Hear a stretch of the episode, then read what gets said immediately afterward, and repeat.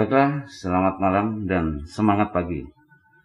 Uh, malam ini saya kedatangan tamu dari uh, seorang purnawirawan bintang dua yang sudah banyak malang melintang baik di darat, udara maupun di laut. Di pendidikannya juga beliau seorang dosen di Lemhanas lima tahun dan insya Allah sudah banyak pengalaman dan segudang ilmu sudah ada di tangan beliau. Saya ingin uh, bertanya secara langsung seperti apa uh, yang beliau ketahui dan akan disampaikan kepada masyarakat. Tentunya begitu. Selamat malam Pak Untung, Cak Suro. Kita pakai headset dulu ya. Ya. ya.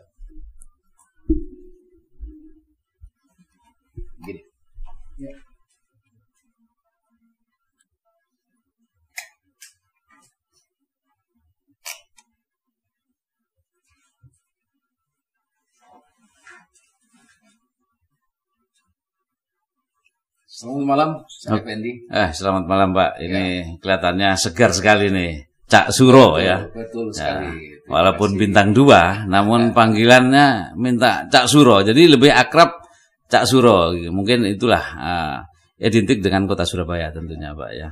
Oh, ya tentunya Cak Suro ini berbicara keamanan dan ketertiban. Saya rasa sudah ya. Uh, di luar kepala ya.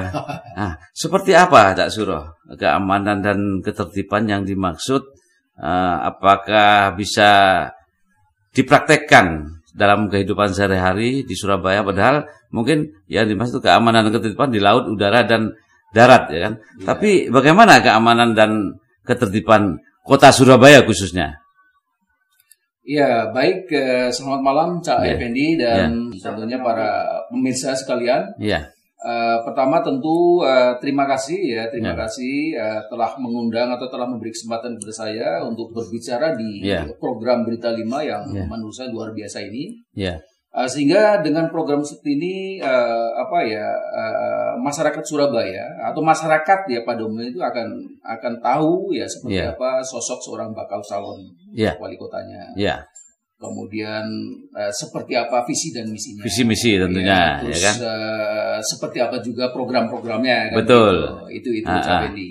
Ya. Uh, jadi mungkin kalau boleh uh, silakan Cak Fendi mungkin tadi baru satu pertanyaan, mungkin ya. bisa dua atau tiga pertanyaan bisa digabung sekaligus begitu Cak ya. Fendi. Uh, boleh terkait uh, mungkin soal uh, apa pertahanan keamanan. Ya dikaitkan dengan ya. apa namanya uh, pilkada atau pilkada ya toh sebentar lagi mas uh, Desember ini kita kan ya. akan uh, mengadakan pilkada pil ya, pemilihan wali kota ya, tentunya ini akan ramai gitu kan ya, ya. Nah, ramai di mana masyarakat juga perlu tahu siapa sih yang uh, akan kita pilih dan uh, ini mungkin ya, ya. perlu disampaikan uh, Cak Suro sebagai mungkin bakal calon wali kota Surabaya yang sudah uh, siap tentunya gitu kan.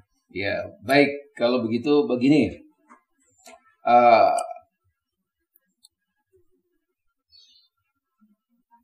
uh, pastinya begini uh, Cak Effendi ya. Jadi hmm. kalau memang saya digariskan sebagai seorang wali kota Surabaya yeah. yaitu uh, target paling utama yeah. ya dan paling pertama saya kerjakan adalah mewujudkan uh, masyarakat dan masyarakat Surabaya khususnya yeah. kelas menengah ke bawah ini menjadi masyarakat yang sejahtera. Sejahtera ya. Ya, sejahtera benar-benar sejahtera lahir dan batin, luar yeah. dan dalam. Ya. Yeah. Jadi masyarakat yang cukup sandang, ya cukup pangan, cukup papan.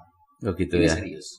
Dan untuk menuju ke sana tentunya kita harus apa harus berani ya hmm. uh, mewujudkan uh, Surabaya ini uh, zero corruption ya. Jadi Surabaya yang bebas korupsi itu itu ya. prasyarat itu. Nomor satu itu ya, pasti ya. Nomor satu. Ya, ya. Nomor satu. Jadi kita sebelum berbicara apa pun ya itu uh, prasyarat utama harus bebas korupsi dulu sebelum kita berbicara yang lain-lain. Tentunya tidak bisa langsung ya kan. Oh jelas itu kan satu pekerjaan ya. besar. Ya. Jadi memerlukan satu komitmen ya, ya. memerlukan satu keseriusan. Ya, betul. Ya, kemudian apa namanya? Uh, nanti setelah itu ya kita juga tidak apa ya tidak ingin ya melihat satupun warga Surabaya ya yeah. ya mungkin tidak tidak tidak sekolah ya atau tidak berolahraga atau tidak yeah. bisa nonton hiburan ya kayak misalnya uh, kita ada ludruk, yeah. ada ketoprak, yeah. ada ya wayang orang yeah. ya gara-gara sarana dan prasarana tidak ada. Ya. Ya, demikian Betul. juga ada orang sakit mungkin karena nggak bisa berobat itu nggak boleh, nggak boleh terjadi di Surabaya. Ya. Nah. Dan itu kita harus bisa. Nah. nah, itu yang yang dalam konsep kami itu disebut namanya program primer. Jadi primer. sebelum kita masuk ke program-program yang mungkin program sekunder yang sifatnya mungkin jangka menengah dan jangka panjang, nah hmm. itu program sekunder, eh program primer yang program paling utama tadi itu harus selesai lebih dulu. Iya iya iya. Gitu. Dan kita semua sudah siapkan program-program itu. Hmm. Jadi saya sudah susun, uh, ya tentunya saya dan tim ya sudah susun tidak kurang dari 50 program. Iya iya. Yang ya. itu begitu uh, mencakup dunia pendidikan hmm. ya kemudian uh, olahraga, ya, olahraga. budaya ya yeah. kemudian ekonomi perdagangan kemudian tentunya juga ini era teknologi ya teknologi yeah. informasi dan ini sangat terkait dengan dunia anak muda atau dunia yeah. kaula muda atau mungkin yang apa uh, lebih keren ya dikenal sebagai yeah. dunianya kaum milenial. Milenial, ya, betul. Itu betul. Jadi termasuk merangkul ke sana ya juga oh, ya. jelas, jelas itu. Ya. Karena apa ya kemajuan satu bangsa dalam Surabaya khusus itu nggak nggak lepas dari peran anak-anak muda. Oh, gitu. nah, jadi itu menjadi segmen yang mungkin akan kita utamakan. Tapi bukan ya. berarti kita memanjakan bukan ya. ya. Tetap kita fasilitasi agar mereka tetap ber, uh, berpikir dan bergerak pada track yang benar ya. ya untuk membangun Surabaya khususnya. Jangan sampai jalan-jalan. Betul ya. sekali. Iya, Betul iya. sekali Javen. Nah. Ya.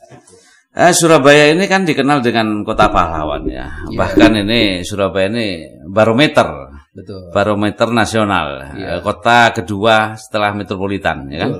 Jadi sebetulnya apakah sudah merata ini di Surabaya ini dari segi pembangunan dan lain sebagainya. Dan langkah apa yang akan Cak Suro ini lakukan ketika nanti terpilih sebagai wali kota Surabaya?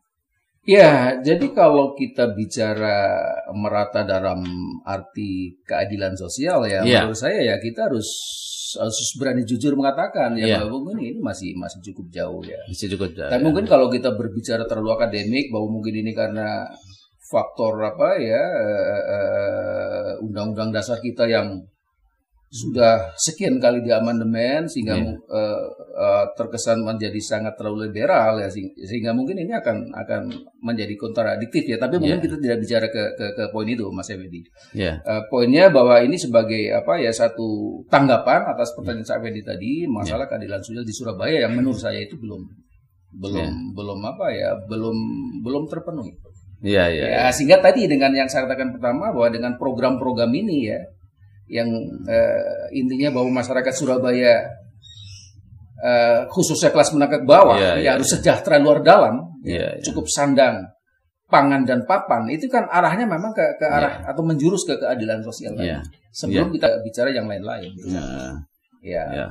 Ya tentunya saya sudah sangat paham sekali yeah. kalau Cak Suro pernah sebagai dosen di Lemhanas pastinya mental ini sudah tidak perlu diragukan lagi itu kan.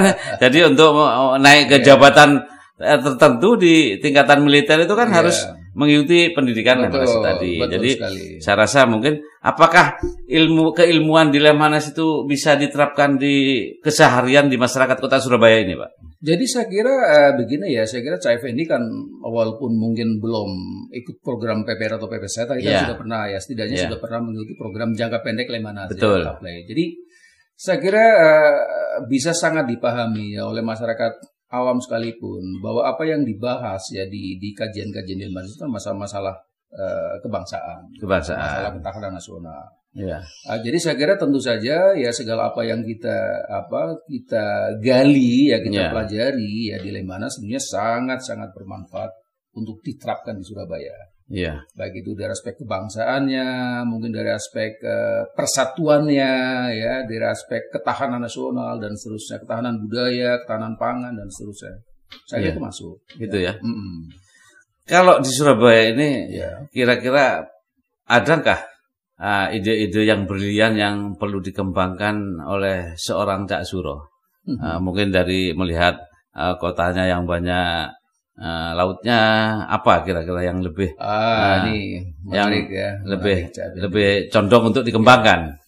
Ya, justru berangkat dari pemikiran itu, Cak Fendi itu, uh, saya punya cita-cita ya, ya, punya cara pandang ya, atau biasa mungkin visi. Ya. Visi, Jadi visi ya. saya kalau memang saya digariskan menjadi wali kota Surabaya, ya pasca Risma, maka visi saya adalah uh, ingin mewujudkan Surabaya ya itu sebagai epicentrum kebangkitan Nusantara. Oh, gitu ya. Nah, kalau kita bicara epicentrum kan Ya. Ya mungkin Betul. konotasinya hanya kalau terkait Ya. ada gempa bumi ya. Ya, ya, ya, ya, ya. epicentrum pada koordinat sekian. Nah, tapi Ya. dalam konteks ini ya kita ketika kita bicara epicentrum Ya. eh, kebangkitan Nusantara, maka kebangkitan Nusantara itu berawal atau berpusat dari Surabaya.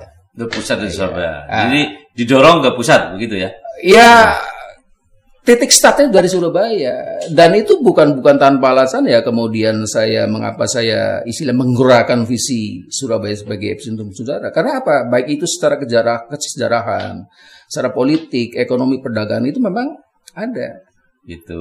atau ya. boleh saya ceritakan sedikit Boleh, boleh. Monggo silakan. ya jadi ya lihat aja misalnya ya kalau kita ingat pelajaran sejarah masa lalu Iya, ya, iya. Nah, pada era apa Singosari terakhir dengan rajanya Kertanegara ya Oh, itu ada eh, satu doktrin yang kita kenal dengan namanya doktrin Cakrawala Mandala di Ya. Pantaran.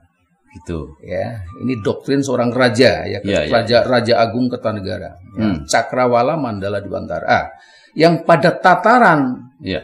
operasional ya, Ya. itu dijabarkan ya oleh para pembantunya, oleh para panglimanya itu menjadi ekspedisi Pemalayu Oh, Ya. Melayu. Ya, ya, ya. yang dilaksanakan tahun 1274 ya dengan panglimanya yaitu yang namanya Ki Ke- Kebo Anabrang. Nah, apa eh, tujuan atau misi daripada ekspedisi Melayu? Ya tadi penyatuan Nusantara. Penyatuan Nusantara. Nah, cuman waktu itu mungkin titik beratnya kepada ya kalau kalau ke- kalau kita pakai istilah zaman sekarang Indonesia bagian barat Ya. yaitu Semenanjung Malaya, Sumatera dan sebagian Kalimantan Barat.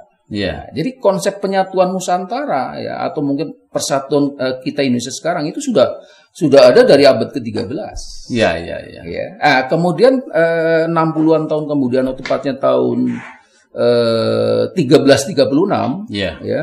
Kita ingat Gajah Mada ya Gajah yang Mada. terkenal dengan sumpahnya namanya Sumpah Palapa. Palapa. Betul. Ya. Itu juga penyatuan Nusantara ya yang didasarkan oleh armada Majapahit ketika itu. Itu Iya. startnya dari mana? Bukan dari mana ya dari dari sini dari Surabaya. Ya, ya, ya. Ya dari namanya ujung waktu itu ujung Galuh ya. Ujung Galuh. Nah, betul. sekarang menjadi eh, namanya eh, eh, Pelabuhan Ujung ya Pelabuhan yang Ujung. menjadi markas komandonya Armada 2 sekarang. Ya, ya, ya.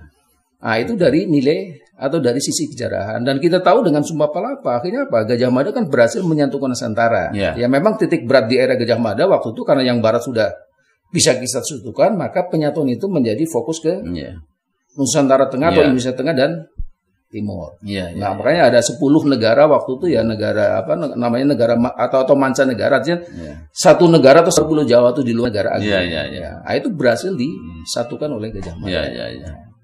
Nah, kemudian 500 tahun kemudian, Ya, ya, ya. tahun 1901 ya kita tahu ya seorang Soekarno kecil gitu ya, Ya. lahir di mana? Di Surabaya. Surabaya ya. Ya, di Ya. Surabaya. Kemudian pada saat usia 15 tahun ya oleh orang tuanya yang kebetulan dia sangat concern dengan pendidikan anaknya, kemudian Soekarno kecil ini ya itu dititipkan Ya. kepada seorang tokoh gitu Ya. ya yang memang dia sangat eh, dihormati dan disegani termasuk oleh Belanda makanya Ya. disebut tokoh ini disebut namanya Raja Jawa tanpa Gitu. mahkota Ya. Nah, itulah beliau yang namanya Haji Omar Said Cokro Aminoto atau Ya. biasa disebut Hos Cokro Aminoto Ya.